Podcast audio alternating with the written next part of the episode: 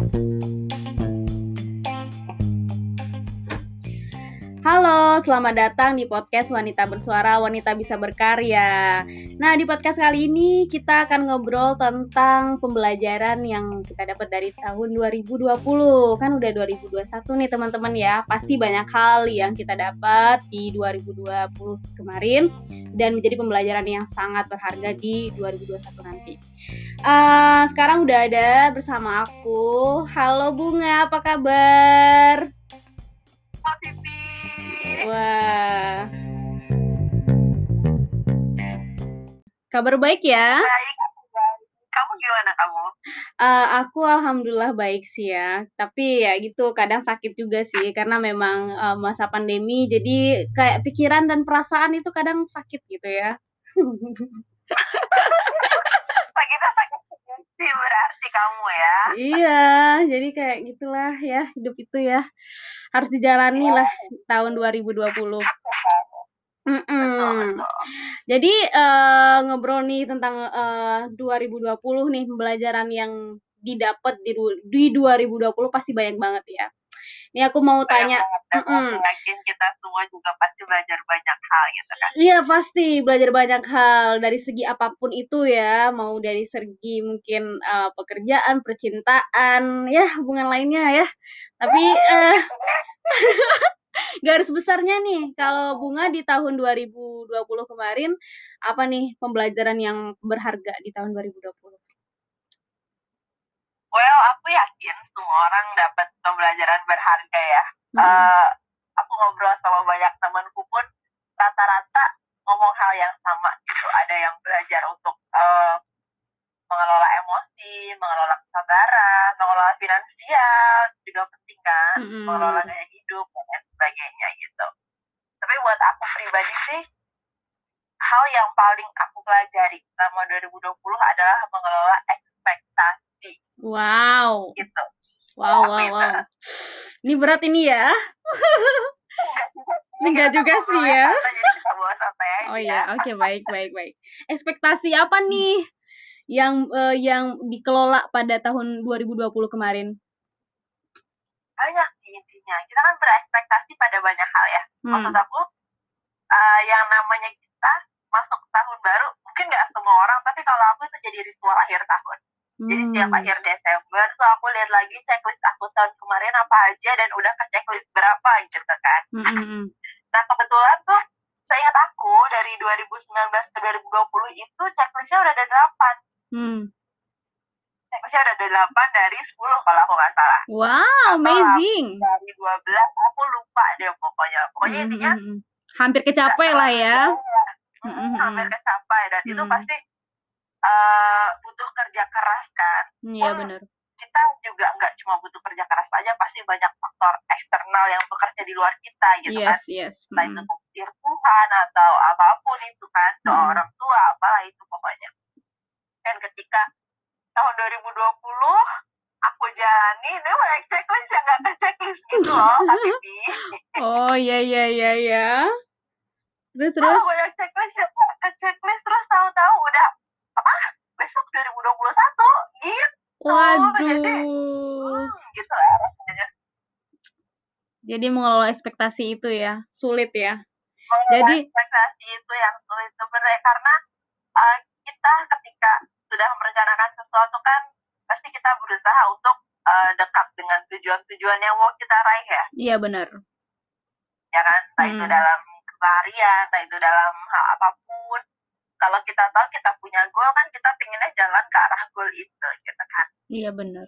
Nah, tapi karena karena aku yakin sih uh, apa ini ini bukan bukan hanya aku aja yang ngalamin hal ini. Banyak orang yang mengalami hal yang sama cuma memang menarasikannya aja berbeda. Aku bilangnya mengelola ekspektasi tapi mungkin orang lain bilangnya lain gitu kan. Itu bahasa mm -hmm. aja sebenarnya jadi dari situ tuh aku belajar kalau uh, ya itu aku udah tahu kalau memang semua hal yang terjadi itu bukan murni karena uh, apa bisanya kita atau apa kemampuan kita gitu kan hmm. ada hmm.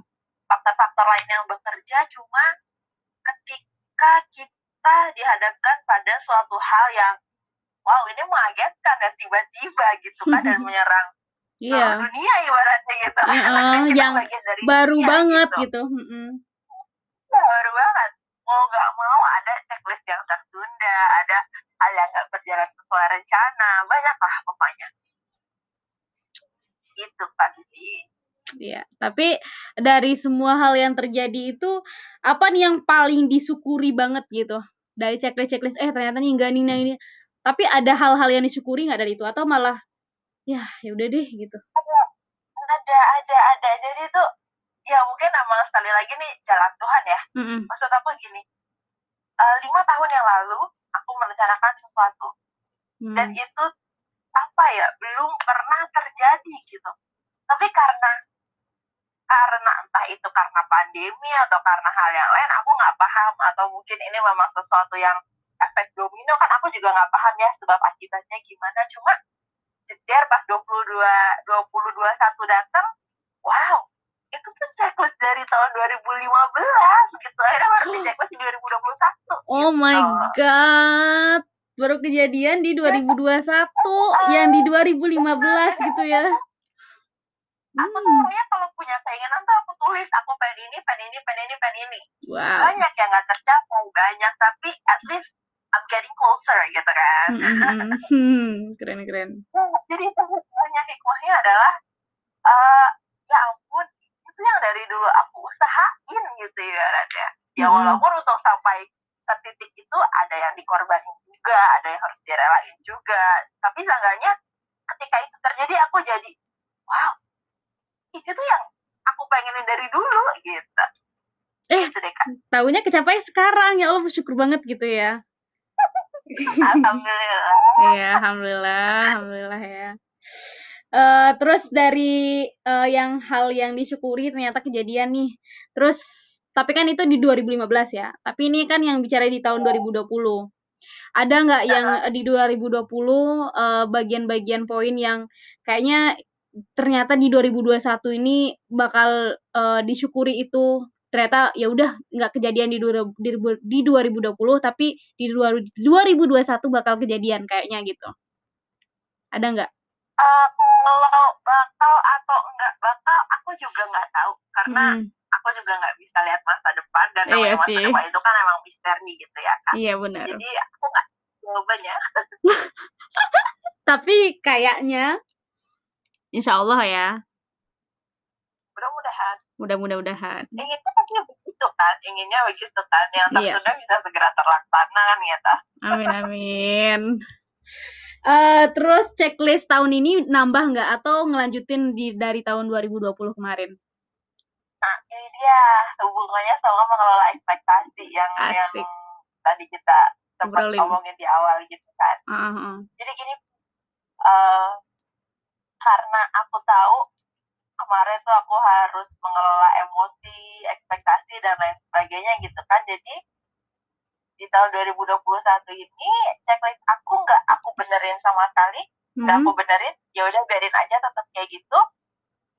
Aku tambah juga kayaknya enggak, aku kurangi juga enggak. Pokoknya aku eh, tahun ini ingin lebih sehat aja Oh lebih sehat. di mental di eh, secara psikis, secara mental itu yang terutama. Mm, mm, Kalau kesehatan fisik kan kita mengusahakannya ya kita jaga ya. mm, mm. Diimbau di rumah aja, ya di rumah aja kan gitu. Tapi kesehatan mental itu kan yang yang apa ya orang dari luar bisa kelihatan sehat tapi kan nggak tahu dalamnya kayak gimana kan gitu kan dan aslinya kita kan sebenarnya kalau menurut aku baru kelihatan kalau kita lagi sendirian kan gitu. Iya benar. Kalau lagi sendirian. pikiran negatif itu munculnya justru saat sedang sendirian gitu. Iya benar. Ya orang kayak gimana tapi kalau aku sih gitu. Mm, mm, mm. Kalau pipi gimana gitu juga nggak lagi sendirian terus Kalau aku Iya. negatif. kalau aku malah ya kalau misalkan aku kan orangnya lebih kayak ekstrovert ya. Jadi kayak sebenarnya lebih senang eh ketemu orang-orang. Malah kalau nggak ketemu orang-orang itu kayak pusing sendiri gitu. Tapi di masa pandemi ini kan memang nggak bisa ketemu orang-orang ya. Maksudnya cuman bisa keluarga doang gitu kan. Tapi ya di situ juga mengelola emosi juga. Kayak ngelola diri diri kayak eh, bertahan di rumah itu tuh nggak mudah gitu untuk orang yang biasa keluar, biasa ketemu orang, biasa hi, hai, hai, ketemu pelukan gitu kan. Terus nggak ngapa-ngapain, itu aku bingung sih sebenarnya awal-awal pandemi. bingung gitu ya aku aku ngapain ya iya bingung bingung itu kan ya karena aku pun uh, dominan ekstrovert ya hmm. jadi awal-awal awal-awal ya tiga bulan masih masih bisa tahan lah lebih mm -hmm. dari tiga bulan tuh rasanya udah uring-uringan. Nggak bisa nggak bisa gitu ya. Ya udah ngajak adik kan keluar. Mm -hmm. sama adikku main keluar gitu kan. Tapi itu pun nggak berani yang jauh-jauh masih di dekat-dekat sini aja gitu. Mm -hmm.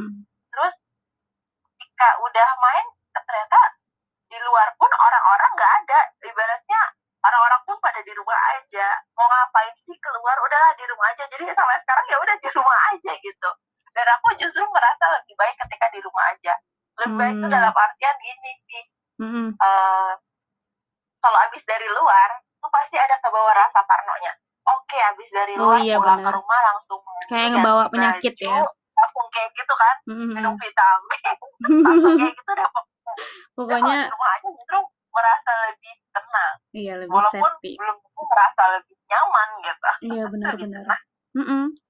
emang benar ya gitu itu ya, ya itu tadi kalau misalkan awal-awal memang kayak bingung tapi ternyata bisa kok kita kayak gitu gitu. Bisa kok kita sebenarnya sendirian mikir gitu kita mau ngapain ya? gitu. Jangan bingung gitu jadi kayak pasti ada bakal ada sesuatu kok yang kita hasilin setidaknya kita nulis mungkin atau kerjain apa gitu. Bisa sih sebenarnya bisa bisa. Semangat!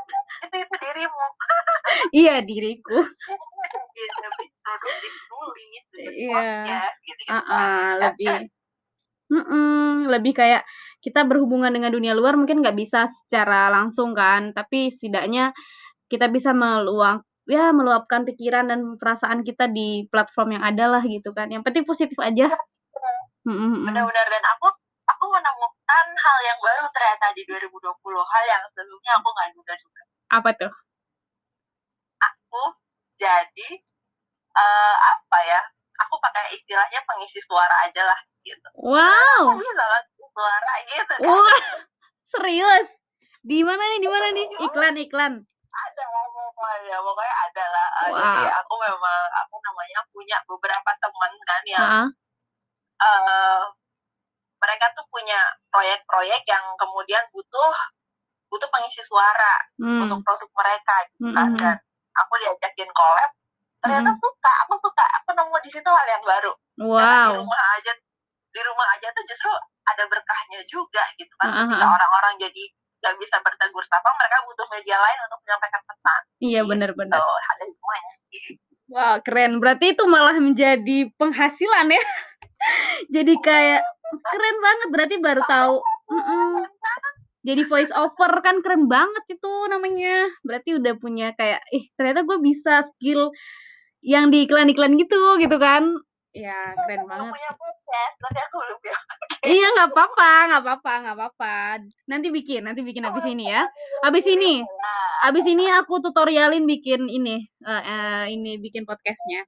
Aman aman aman bikin kontennya bikin konten. Uh, boleh nanti ya. Bareng-bareng aja. Bisa bisa diobrolin. Nah gitu. oh, yang kemarin-kemarin kan yang aku sama teman-temanku itu kan kontennya kontennya hmm? kan dari klien ya. Hmm. aku cuma bagian poles-polesnya aja gitu. Hmm. iya sih. Aku juga nih bikin podcast waktu pandemi deh kayaknya Iya bener, bikin iya bikin podcast ini waktu pandemi. Terus aku juga pandemi belum punya podcast ya? Belum. Jadi waktu masih mikir gitu masih mau bikin tapi belum belum ada gitu loh idenya mau bikin tentang apa ya gitu. Mau bikin apa ya gitu. Eh ternyata pas pandemi kejadian ah ya udah langsung deh langsung terjun bikin cari tahu caranya gimana terus bikin kayak kontennya apa aja mau dibicarakan ya itu deh ya itu tentang sebenarnya spesifik podcast ini sebenarnya spesifik wanita aja sih sebenarnya. Tapi ya itu ya udahlah. Mm -mm, wanita bersuara. wanita bisa berkarya. Ya lah apa ini? Iya. Mm -mm, jadi sebenarnya lagi ya kamu kamu deh ya lanjut kamu deh Iya, yeah, yeah, jadi itu jadi sebenarnya kalau cerita tentang nggak yang sebenarnya maunya spesifik wanita emang tapi kayak sejauh ini tuh uh, nggak hanya wanita loh dibahas ternyata tuh kompleks banget gitu. Jadi kehidupan keseluruhannya sih dan ya curhat-curhatnya juga. Aku juga ya itulah tempat curhat ternyata ini podcast ya udahlah tapi jadi itu ya jadi wahana penyaluran kan akhirnya. Orang yeah. yang yang ya kita nggak bisa menghindari lah ya pandemi itu yang bikin kita lebih banyak diem gitu. Butuh lebih banyak ngomong ya salah satu caranya lewat podcast dirimu ini. Bagus lah. Iya bener sih. Alhamdulillah sih bisa. Nggak tahu udah bermanfaat atau enggak ya yang penting ya ngomong aja ya. Yang penting ya udah merasa bermanfaat sih. Lanjut gitu bunga uh, apa nih maksudnya untuk mengatasi itu tadi kan kayak uh, ternyata dapat skill baru nih gitu kan. Apa ada hal-hal baru yang dilakukan selama ini selain dari yang tadi? Hal-hal baru yang dilakukan aku uh, kalau melakukan hal baru relatif nggak ada. Karena dari segi pekerjaan pun jadi tuntutannya lebih banyak mentang-mentang pandemi gitu kan. Yeah.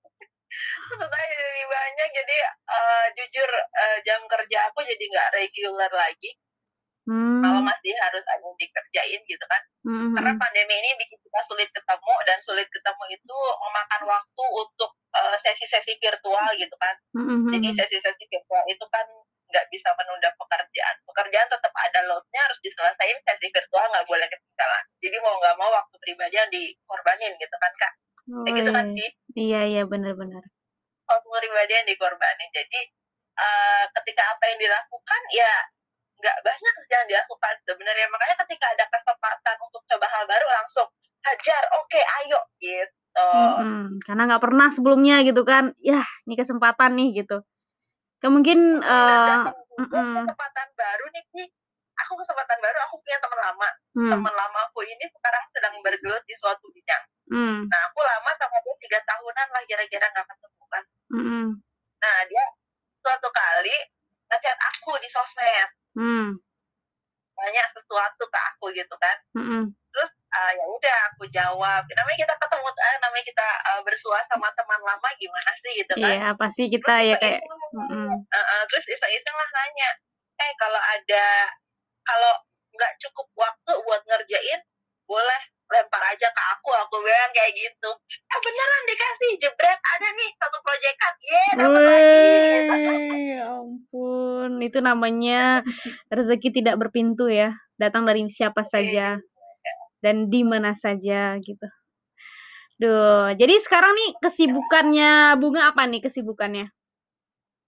Aku ya seperti biasa aja masih bekerja seperti biasa.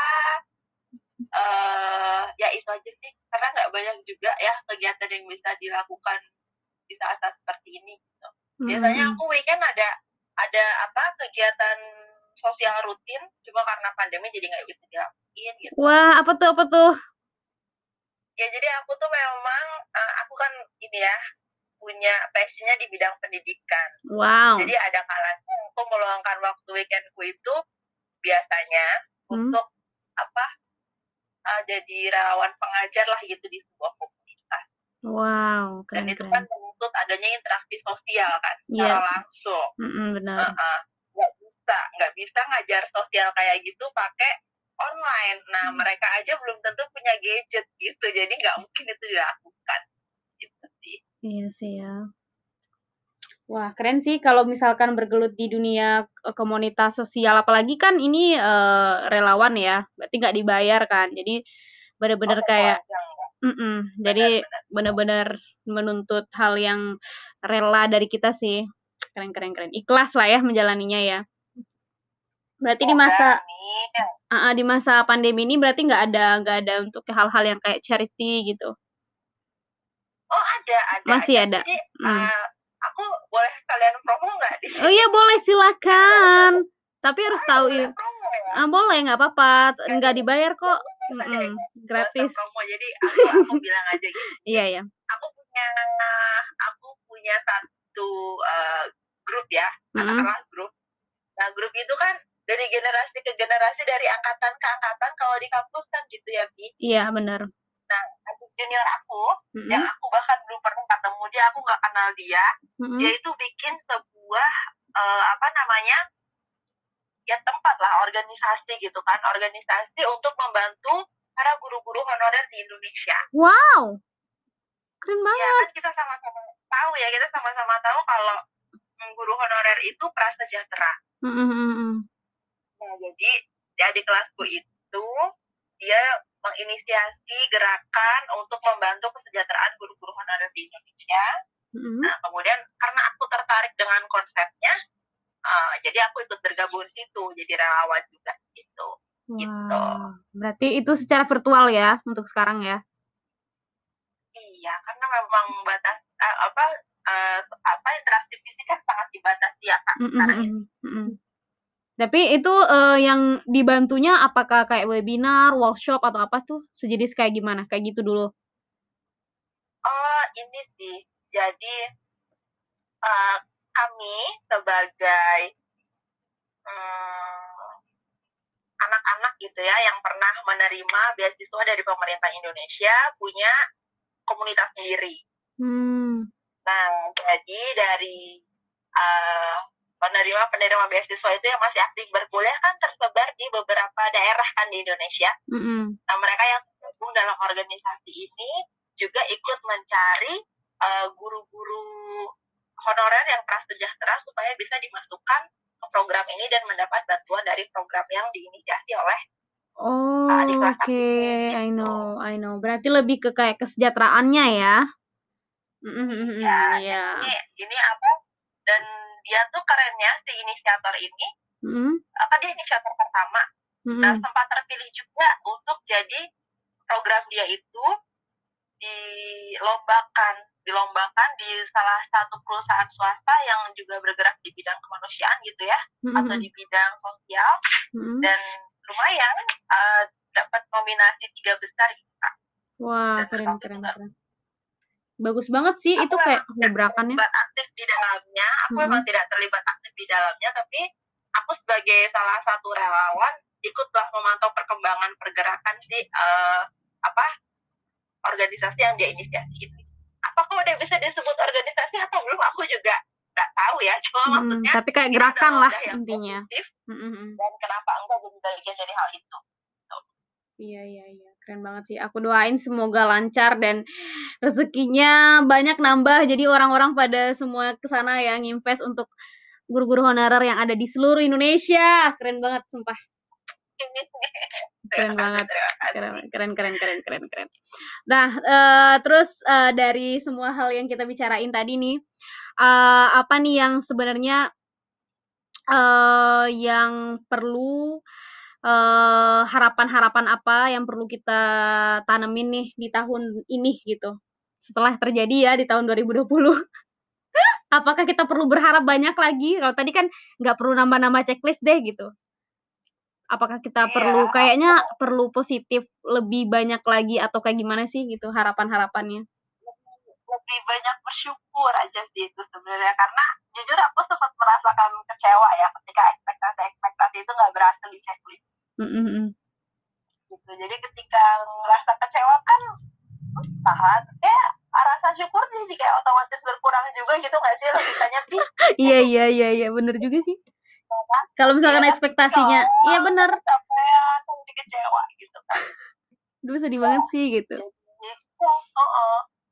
Ya nggak bisa nyalahin siapa-siapa juga gitu kan tapi akhirnya kan jadi introspeksi diri kok kena kok kenapa kayak gini kok kejadiannya kayak gini aku aku ngelakuin apa kok bisa sampai kayak gini gitu kan mm-hmm. cuma ya itu tadi mungkin memang sudah jalannya dan ini jadi apa jadi uh, cara Tuhan untuk uh, mengarahkan kita ke jalan yang seharusnya gitu kan maksudnya yeah. jalan yang seharusnya kan kadang kadang kalau kita pakai logika manusia kan ah buntu nih jalannya gitu kan. Tapi ternyata kalau Tuhan yang bilang enggak ini jalan keluarnya di sini. Kamu aja yang belum lihat lihat ke depan. Kan bisa jadi kayak gitu kan. Mm-hmm. karena kita nggak ngerti mau Tuhan apa. Iya. Tapi yang harus kita lakukan adalah tetap bersyukur sama apa yang Tuhan kasih. Jadi itu kadang yang aku suka lupa gitu. Atau bahkan mungkin sering lupa gitu kalau yang Tuhan kasih itu yang terbaik. Mungkin memang nggak sesuai sama apa yang kita mau tapi sesuai sama apa yang kita butuhin sebenarnya iya benar-benar sesuai dengan apa yang kita butuhin mm -mm. jadi ekspektasinya dikelola lagi emosinya dikelola lagi rasa syukurnya ditambah biar nggak lebih sering kecewa gitu. iya karena benar menghadapi rasa kecewa itu apa ya kalau buat aku cukup berat karena harus berdamai dengan diri sendiri ya Iya, harus berdamai dengan diri sendiri. Jadi kecewanya memang harus dikelola dengan baik. Jadi tidak kita berharapnya kalau bisa, berarti kita berharapnya hanya kepada Allah, biar kita nggak kecewa gitu. Jangan berharap kepada manusia, jangan berharap kepada uh, siapa pun lah gitu. Ya sama Allah aja. Jadi karena kita iya, tahu. Tapi hmm. kadang lupa, kadang lupa ya nggak sih? Karena kita ngelihat yang kita lihat tiap hari kan orang ya. Oh iya sih, iya sih kadang. Kita lupa kalau yang menggerakkan makhluk itu ya Tuhan sebenarnya. Tuhan -hmm. yang menggerakkan makhluknya untuk menggiring kita lebih dekat atau menjauh pada hal yang kita inginkan. Iya benar. Gitu kan? Mm -mm. Kita menggiringnya pada hal yang kita butuh sebenarnya itu. Jadi rasa syukurnya, emosinya, ekspektasinya. Jadi target aku dari 2021 yang terpenting adalah aku ingin lebih sehat secara psikis, mental, kejiwaan, kedewasaan, ya secara pribadi lah. Mm -mm secara pribadi lah diri sendiri lah ya intinya ya diri sendiri dengan Tuhan lebih didekatkan kali ya iya lebih PDKT lagi sama Tuhan kali ya uh -uh. yeah. sama ini mungkin yang dikejar dunia terus sibuk ngejar dunia waktunya lupa gitu kan iya yeah. pandemi lebih banyak di rumah jadi kayak ah waktu yang biasa dipakai habis di jalan gitu kan mm -hmm. sekarang jadi waktu lebih untuk di rumah ya apa yang dikerjakan kan kita makhluk ya. Mm-hmm. kita uh, punya Tuhan untuk untuk disembah gitu ibaratnya. Bukan karena kewajiban tapi karena kita tahu. Mm-hmm. karena kita ya, butuh sih lebih kebutuh kali ya. Mm-hmm. tapi kalau butuh gimana ya? Kamu hanya makan kalau kamu lapar kan kamu butuh gitu kan jadi kamu hmm, makan. lebih dari itu kali ya. Bahasanya susah ya. Mm-mm, jadi ya lebih dari itulah intinya sih kita uh, le memang lebih banyak introspeksi ya di masa 2020 gitu. Banyak hal-hal yang mungkin yang dibilang Bunga tadi ya kan, ada hal-hal yang tidak sesuai ekspektasi, lebih banyak uh, bersyukur, lebih banyak kayak memperbaiki diri sendiri dulu gitu kan.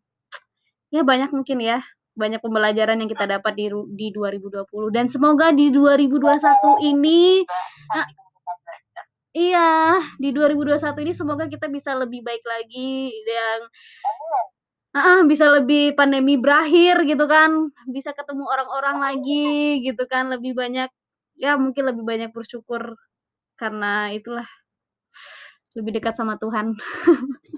Ya. Oke oke, thank you ya buat Bunga udah mau ngobrol sama aku di podcast Wanita Bersuara thank you juga buat TV yang udah undang aku walaupun mm -hmm. omongan kita mungkin gak begitu jelas ya. Iya ngambang ya. sorry ya buat para pendengar. Iya nggak apa-apa. Jadi nggak apa-apa. Jadi ini kan sebenarnya tempat curhat ya. Mau bodo amat lah ya. Yang mau denger ya intinya uh, kamu ambil poin pentingnya aja di kita yang bicarain tadi gitu.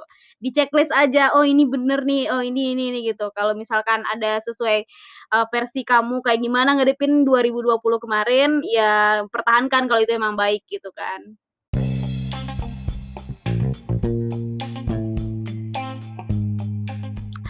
Oke, aku tutup ya untuk obrolan malam ini. Uh, thank you buat Bunga. Semoga sehat selalu, bahagia, kerjaan lancar. Uh, semuanya pokoknya hubungan percintaan juga lancar. Jangan lupa ya, undang-undang. Dirimu juga undang-undang dasar negara. Iya, undang-undang dasar. Aduh, ya udah. Thank you Kak Bunga.